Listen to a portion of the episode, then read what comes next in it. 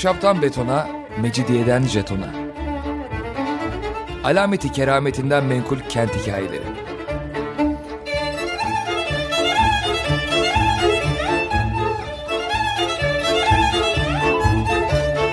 Hazırlayan ve sunan Pınar Erkan.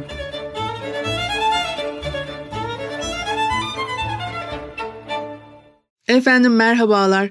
Bir haftalık aradan sonra yine birlikteyiz. 95.0 frekanslı açık radyoda ahşaptan betona, mecidiyeden jetona tam şu anda başlamış bulunmakta. Anlatıcınız ben Pınar Erkan, elektronik posta adresim pinarerkan.yahoo.co.uk. Bugün programımızda ne var? 19. yüzyılın önemli dönüm noktalarından bir tanesi Kırım Savaşı ve hem toplumsal, yani politik, toplumsal, e, kentsel açıdan birçok etkisi oldu Kırım Savaşı'nın 1853-1856 yılları e, arasındaydı. Askeri, siyasi ve teknik açılardan e, birçok ilke sahne olduğu gibi Osmanlı iktisadi ve toplumsal yaşamına önemli yenilikler getirdi diyor Candan Badem. E, e, bir kere politik açıdan baktığınız zaman Osmanlı Devleti için e, çok büyük bir değişim. Paris Anlaşması imzalanıyor 1856 senesinde ve de e, Osmanlı Devleti o zamanki Avrupa Devletler Sistemi'ne alınıyor. Ee, ilk kez Osmanlı Devleti'nin bütünlüğü Avrupalı devletlerin güvencesine alınıyor. Bir kere Kırım Savaşı'nın en önemli etkilerinden biri Avrupa ile Osmanlı arasındaki temasların artmaya başlaması. 1854'ten itibaren binlerce İngiliz, Fransız, İtalyan asker ve subayı e, İstanbul'dan geçiyor. Cephede yaralanan ya da hastalanan asker ve subaylar İstanbul'da kurulan hastanelerde tedavi edildiler.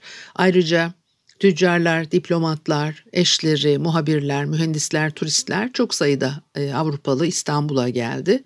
Savaş süresince İstanbul Avrupa basınının odak noktası oldu.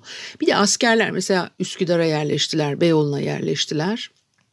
Dolayısıyla e, birkaç yılda e, burada kaldılar. Çok etkili olmuşlardır. E, düşünsenize bir mahallede oturuyorsunuz. Şimdi birazdan zaten yine Candan Hoca'nın ifade ettiği o yavur kavramının nasıl hani değişmeye başladığı muhtemelen mahallenizde oturuyorsunuz neyse ve sonra İngilizler geliyor yerleşiyor filan hani ve asker ya bunlar. Dolayısıyla gerçekten o toplum içinde birçok değişikliğe ve etkiye neden olan e, süreçlerden e, önemli biri. O askerlerin, subayların İstanbul'da kurulan hastanelerde tedavi e, edilmeleri, İstanbul halkı sokaklarda o zamanı kadar görmediği sayıda yabancı ile karşılaşıyor. Mesela Boğaz içinde kiralık ev bulmak zorlaşmış. Ev kiraları ve fiyatlar artmış. Çünkü konut sayısının da çok az olduğunu şimdiye kıyasla e, farkında olmamız gereken bir şey. 1854 yılı e, henüz daha e, İstanbul'un tarihi yarımadadan yeni yeni dışarı taşmaya başladığı zamanlar. Dolayısıyla Galata Beyoğlu bölgesinde yeni yeni bir e, e, imar durumu söz konusu. Boğaz kıyılarına işte tam o yıllar içerisinde Abdülmecit gidecek, e, Dolmabahçe Sarayı'nı inşa ettirecek. Zaten Topkapı Sarayı'nda e, daha az vakit geçirir olmuşlardı. E, sarayın e, Dolmabahçe'ye taşınması çok önemli bir etki yaratır toplum içerisinde. E, bütün e, e, bunlar birbirini tetikleyen etkiler olarak karşımıza çıkıyor. Şehirde o kadar konut yok. Dolayısıyla da bir de tabii bu adamlar biliyorlar ağızlarının tadını. Boğazda ev tutacaklar. bir, mesela yabancıların hoşuna giden yenice tütününün fiyatı 60 kuruştan 300 kuruşa çıkmış. Yenice tütünü Paris'te lüks dükkanlarda satılmaya başlamış. Esnaf halinden çok memnun. Ee, mesela Red House sözlüğü gene bu temasların bir ürünü Sir James Redhouse'un e, Osmanlı İngilizce sözlüğü ilk defa 1855 baharında e, yayınlanıyor. E, sözlük e, İngiliz Kara ve Deniz Ordusu için e, hazırlanmış. Hükümet tarafından Babali, Bab Seraskeri ve Tercüme Odası için 50 adet satın alınmış sözlükten ve de ayrıca yazara 10 bin kuruş değerinde bir kutunun ödül olarak e, verildiği belgelerde geçiyor. 10 bin kuruş o zaman yaklaşık e, işte 2000'li yıllarda 100 e, sterlin bugün daha fazla. 2000'li yılların 100 sterlinine eşdeğer. Bugün artık onun kaç kat daha fazlası. İngiliz ve Fransız askerlerinin İstanbul'da e, görünmelerinin etkilerinden bir tanesi. Bu laf da benim ağzımdan hep zor çıkıyor bu gavur kelimesi.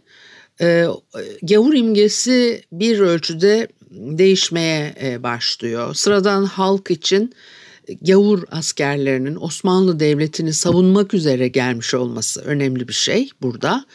Bu, bu tür ilişkiler geçmiş yüzyıllarda çok alışık olunan şeyler değil Osmanlı'nın e, bu tarz ilişkiler kurması. Bir de e, zaten hani e, Osmanlı bu adamların topraklarına gidip oraları alma çabası içerisinde şimdi şehre gel diye algılanıyor.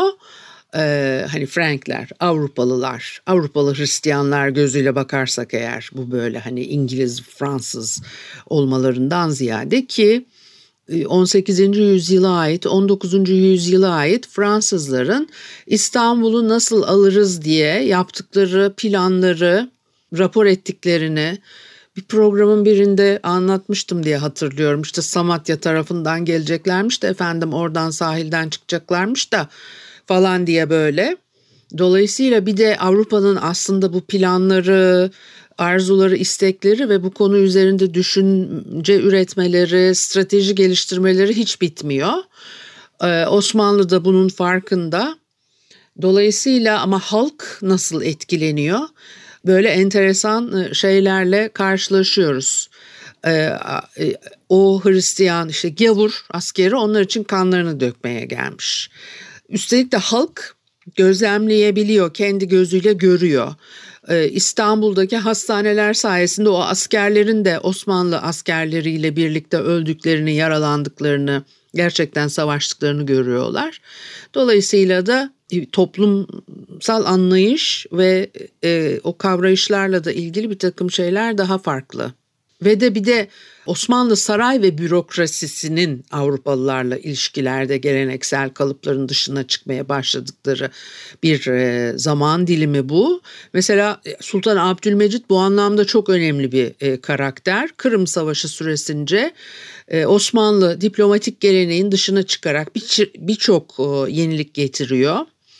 E, Abdülmecit'e gelene kadar Osmanlı padişahları elçilerle öyle doğrudan filan görüşmezken hiç kimseyi geri ziyaret etmezken ziyareti iade e, mahiyetinde hiçbir hükümdardan nişan kabul etmezken Abdülmecit zamanında bunlar değişmeye başlıyor. E, Prens Napolyon İstanbul'a geliyor o tarihlerde. Bu ziyaretin arkasından Fransız elçiliğine iadeyi ziyarete gidiyor. Ve de prens bundan çok memnun kalmış. Padişah'tan e, Fransız imparatorunu ziyaret etmesini rica etmiş. Abdülmecit de kabul ediyor bunu. Dolayısıyla da o, güne kadar Osmanlı Devleti'nde işi görülmemiş bir vaatte bulunmuş oluyor. Bir gün Abdülmecit Davut Paşa'da işte Fransız askeri birlikleri var. İstanbul'un çeşitli yerlerine konuşlanmış durumdalar. Onları teftişe gidiyor. Teftişten sonra açık arabadan askerin geçit resmini seyret seyreden Marshal Saint Arnaud'un eşiyle diğer e, kadınların yanına gitmiş ve onlara Fransızca iltifatlarda bulunmuş. Bu o kadar e, büyük bir şey ki çünkü aradan birkaç sene geçecek Abdülaziz işte Avrupa'ya gidecek orada e, müthiş bir ses getirecek Abdülaziz'in o ziyareti orada işte e, herkes durup onu seyrediyor filan. Bunu da geçmiş programlarda konuşmuştuk. Hani tekrar etmeye gerek yok fakat e, böyle E, Osmanlı e, padişahının kadınların yanına gidip onlara e, işte iltifatlarda bulunması filan yani hani sanki e, kıyamet hani kopmuş, dünya altı üstüne gelmiş falan e, gibi bir şey oluyor e, o süreçte. Bir de yetmiyormuş gibi savaş bittikten sonra İmparator 3. Napolyon'dan Legion d'Honneur nişanını kabul ediyor. Kraliçe Victoria'dan Dizba nişanını kabul ediyor. O nişanlar da sonradan e, neyse başka anlamda e, problem oluyor filan. Şimdi bu dönemde Şeyhülislam ilk kez bir yabancı elçiyi kabul ediyor. Fransız elçisi Tunel. E, Şeyhülislam Arif Efendi ile yalısında görüşmüş. Abdülmecit'in izniyle sadrazam da yabancı elçilerin balolarına katılmaya başlamış ve nihayet Abdülmecit'in kendisi Kırım Savaşı sonrasında Şubat 1856'da Fransız ve İngiliz elçiliklerinde verilen balolara katılarak herkesi hayret içinde bırakıyor. Bu baloların hangisine önce katıldığıyla ilgili belirsizlikler e, var ama bir müzik arası verelim ondan sonra devam edeceğim. Efendim Açık Radyo'da ahşaptan betona, mecidiyeden jetona devam ediyor. Haliyle Pınar Erkan'ı dinlemektesiniz ve de Abdülmecit'in e, e, bütün e, İstanbul'da çok ses getiren e, ve dünyayı şok eden yeni tavırlarından, yenilikçi tavırlarından söz ediyordum. Balolara gitmeye başlaması çok enteresan. Çünkü Osmanlı padişahı öyle ecnebinin balosuna malosuna gitmez normalde ama 19. yüzyıl her şeyin çok başka olduğu, başka olmaya başladığı bir dönem ya 1856'da Fransız ve İngiliz elçiliklerinde verilen balolara katılıyor. Herkes e, şoka giriyor. İşte hangi baloya önce katılmış o konuda belirsizlikler var. E, Stratford Canning bu dönemin e, işte önemli bir İngiliz büyükelçisi. Onun anılarını e, yazan Stanley Lane Poole var. Bir de Cevdet Paşa'nın yazdıklarından söz edeceğim de yani çok acayip. O Fransız elçiliğinde verilen balodan söz etmiyorlar da İngiliz elçiliğinde verilen balodan Abdülmecit'in katıldığı ilk balo olarak söz ediyorlar. Sonra Enver Ziya Karal İngiliz balosundan söz etmeden Abdülmecit'in ilk kez 4 e, Şubat 1856'da Fransız elçiliğindeki baloya katıldığını yazmış. Farklı kaynaklardan farklı bilgiler bize e, geliyor. Bunlar tabii biraz belge eksikliğinden veya belgelere ulaşmakta zorluk çekilmesinden kaynaklanıyor. Arşiv belgelerinde her şeyi bulamıyorsun. Abdülmecit her iki baloya da o ülkenin nişanını takarak gitmiş. Mahiyetinde devlet erkanıyla birlikte kızlar ağası var. Rum ve Ermeni patriği var. Hahambaşı da var. Bir de onları da toplayıp gitmiş. Şeyhülislam Efendi mazeret bildirerek katılmamış. Yani burada en dirençli Şeyhülislam çıkmış çünkü diğerleri de çok hoş karşılamıyor bu tür şeyleri. E, İngiliz elçiliğinde balo hakkında Cevdet Paşa'nın yazdıkları var. E, zaten damgasını vurmuştur Cevdet Paşa'nın e, sözleri yazdıklarını aslında çok iyi biliyoruz ama diyor ki Cuma Delula'nın 24. Cuma gecesi yani 2 Şubat 1856'da Zat-ı Şahane İngiliz elçisi Canning'in balosuna davetli olarak teşrif buyurdu. Öteden beri sadrazamlar bile elçi ziyafetlerine balolarına gitmek e, adet değilken bir seneden beri sadrazamlar gitmeye başladı. Bu sene Zat-ı Şahane için dahi bu kapı açıldı. E, şimdi biraz tabii eski Türkçe kelimeler var. Onları da e, atlayarak veya işte Türkçe'ye çevirerek size aktarmaya çalışıyorum. Balolara gitmek adet olmayıp alel husus Ortodoks papazlarına göre İçtimai saz ve temaşayı raks yani müzik dinlemek ve dans seyretmek büyük günahken bu baloda bir cümle patriklerle hahambaşı dahi bulundu diyor. Şimdi Şeyhülislam Efendi dahi davet olunmuştu ama o lakin itizar eyledi yani mazeret gösterdi. Diyor ki fakir dahi davetliydim kendi için söylüyor bunu Cevdet Paşa. Sadrazama sordum Şeyhülislam Efendi'den sor Ondan izin iste demiş. Şeyhülislam'a sormuş sadrazam bilir demiş. Çünkü hiç kimsenin alışık olmadığı şeyler olduğu için bunlar herkes topu birbirine atıyor. Kimse sorumluluk almak istemiyor. E ona sormuş net bir cevap alamamış. E, öbürüne sormuş alamamış. Ben de gitmedim diyor. E, Fransızların etkisiyle Reşit Paşa'nın düşmesinden dolayı Canning gücenmişti. İşte padişah baloya gidince e, bu bir e, e, iltifat olmak hasebiyle bir nevi terziye yerini tuttu diyor. Her şey tabii o dönemde bir anlam içeriyor. Tabii ki doğal olarak öyle.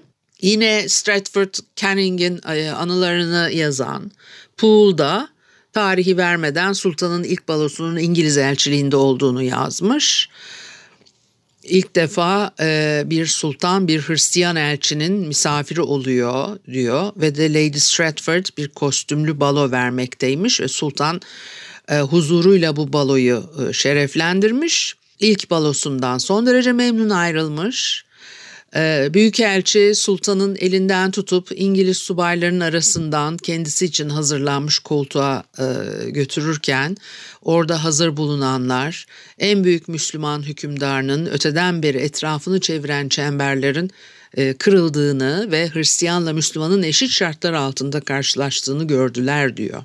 Bir de e, işte mesela aşk hayatına etkiden söz edilir. Osmanlı erkekleri aşık olmayı öğrenmişlermiş. Şimdi bunlar tabii hep bu anılarda ve e, elçilik e, mensuplarının e, yazdıkları veya yorumladıkları şeyler erkeklerin kadın sevmesini başlatan Sultan Mecid yine de erkeklerden çok kadınlarla uğraşıyor diyor. Abdülmecit'in özel doktoru Spitzer'in de anıları var. Abdülmecit de, demiş ki Avrupalı kadınların kıyafetlerini pek cazibeli buluyorum. Bizim kadınlarınkine pek ziyade tercih ediyorum. Eğer bu kadınlarla muaşeret de zahiri görünüşleri gibiyse siz Franklerin kadın cinsiyle serbest muaşerette bulunmanızı adeta kıskanıyorum. Ay bilmem ne diyeceğim şimdi. Yani ne diyeceğim yani e, e, çok acayip değil mi? Yani neyse hepimiz anlıyoruz ve hepimiz aynı şeyleri aklımızdan geçiriyoruz e, muhtemelen. E, Abdülmecit, Sultan Abdülmecit serbest muaşeret kıskanıyormuş Avrupalıların. E ya, yap, izin ver, yapsınlar. Onlar da öyle dolaşsınlar. Yani sıkıyor mu? Çok acayip şeyler gerçekten de. Neyse belki bu bu kısmı silebilir miyiz programdan? Şimdi Gerçekten Abdülmecit zamanında birçok şey çok daha esnek hale geliyor. Özellikle savaşın ilk iki yılında İstanbul'da Lale Devri'ni hatırlatan zevkü sefa alemleri görülmeye başlıyor. Kağıthane ve Bayezid'de e, araba gezileri, Boğaz içinde mehtap gezileri yeniden moda oluyor. Erkekler arabaları uşaklarıyla gezen hanımlara aşık olup onlara gizlice mektup vermeye çalışıyorlar. Ve Avrupalı kadınlar onları taklit eden Mısırlı paşa hanımları saraylı hanımlara örnek oluşturuyor ve yeni moda rüzgarı esiyor. Hep böyle anlatılır ya. Giysiler de o değişimden nasibini alıyor. Şimdi beni çok eğlendiren bir şey e, anlatacağım size. Saray kadınları Avrupalı kadınlar gibi ve Mısırlı hanımları taklit için büyük paralar sarf etmeye başlıyorlar. Neyse işte ipek feraceler, saydam yaşmaklar giyip arabalarla gezmeye başlıyorlar. E, beni eğlendiren korse giymeye de başlamışlar. E, Kırım Savaşı'ndan hemen sonra İstanbul'a gelen e, Baron Durand de Fonmanye e, gene ondan da bir programda söz etmiştik diye hatırlıyorum. Anılarında Abdülmecit'in bir düğün için bütün saray kadınlarının korse giymesini emrettiğini, Beyoğlu'ndaki terzilerin harıl harıl bu korseleri yetiştirmeye çalıştıklarını ve bütün şehrin bu haberle çalkalandığını yazıyor. Biz de böyle şeyleri hep Avrupalılardan öğreniyoruz gerçekten. E, ve keşke bir azıcık daha detaylı olsa bunlar. Çünkü farklı farklı kaynaklardan işte denk düşerseniz filan hani bunları rastlayıp da görüyorsunuz. Ayrıca Osmanlı erkekleri için de farklı bir devir e, başlamış. Çünkü şimdi moda bir kadına aşık olmakmış. Gene Cevdet Paşa'nın o meşhur sözü Kavmilut sanki yere battı demesi. Zen dostlar çoğalıp mahbublar azalmış yani e, kadın dostları çoğalıp erkek sevgililer azalmış diye bunları söylüyor. Ne söyleyebilirim başka diye şimdi tartıyorum. Ve mesela diyor ki büyük devlet adamları içinde gulamparelikle e, meşhur işte falanca falanca paşalarla onlara mensup olanlar kalmadı diyor. Çünkü falanca paşa yabancıların ne o yabancılardan sakınarak işte gulampareliğini gizlemeye e, çalışırmış falan yani. Ve de o kibar kadınların giyimleriyle başlayan değişimler sofra adabı ve sofra takımlarına da yansıyor. Osmanlılar Avrupalılar gibi çatal bıçak kullanmaya, masada yemek yemeye ve yemekte sohbet etmeye başlamışlar. Halbuki eskiden yemek yerken konuşmak ayıp sayılıyor. Osmanlı'da böyle bir şey var. Bir de yani saray adabında da işte o Fatih'in kuralları filan var. Çünkü başta da bir böyle e, sultanın işte sofrada e, e, oturması hadisesi karşımıza geliyor. Ondan sonra bu e, yeni çıkartılan o saray e, kurallarıyla e, önü kesiliyor yani. Öyle padişah kendi başına yiyecek. Öyle koskoca padişah etrafına adamları toplayıp da yemek yiyebilir mi yani? Ağzının içinde ne olduğunu göstere göstere. Yani hani yemek konusu tabii bir insanı yani çok enteresan bir şey bu yani sizi e, neyse o konuya girmeyeyim de başka zaman konuşalım onu. Yemek yemenin izlenebilir halde olması nasıl bir psikolojik etki yaratıyor özellikle bu ülke yöneticileri filan açısından. Neyse minderlerin sofraların yerini kanepeler koltuklar almaya başlıyor ve e, yaşam tarzında da değişiklikler ortaya çıkmaya başlıyor. Ya bırak sultanın oturup bir sürü adamla birlikte yemek yemesini mesela ne bileyim ben eskiden öyle şeyler vardı. Şimdi kaldı mı bilmiyorum. Öğretmenler yemek yerken kendilerini öğrencilerine göstermek istemezlerdi filan. Neyse böyle de bir şeyler. Bu haftalık da bu kadar olsun. Haftaya görüşene kadar hoşçakalın.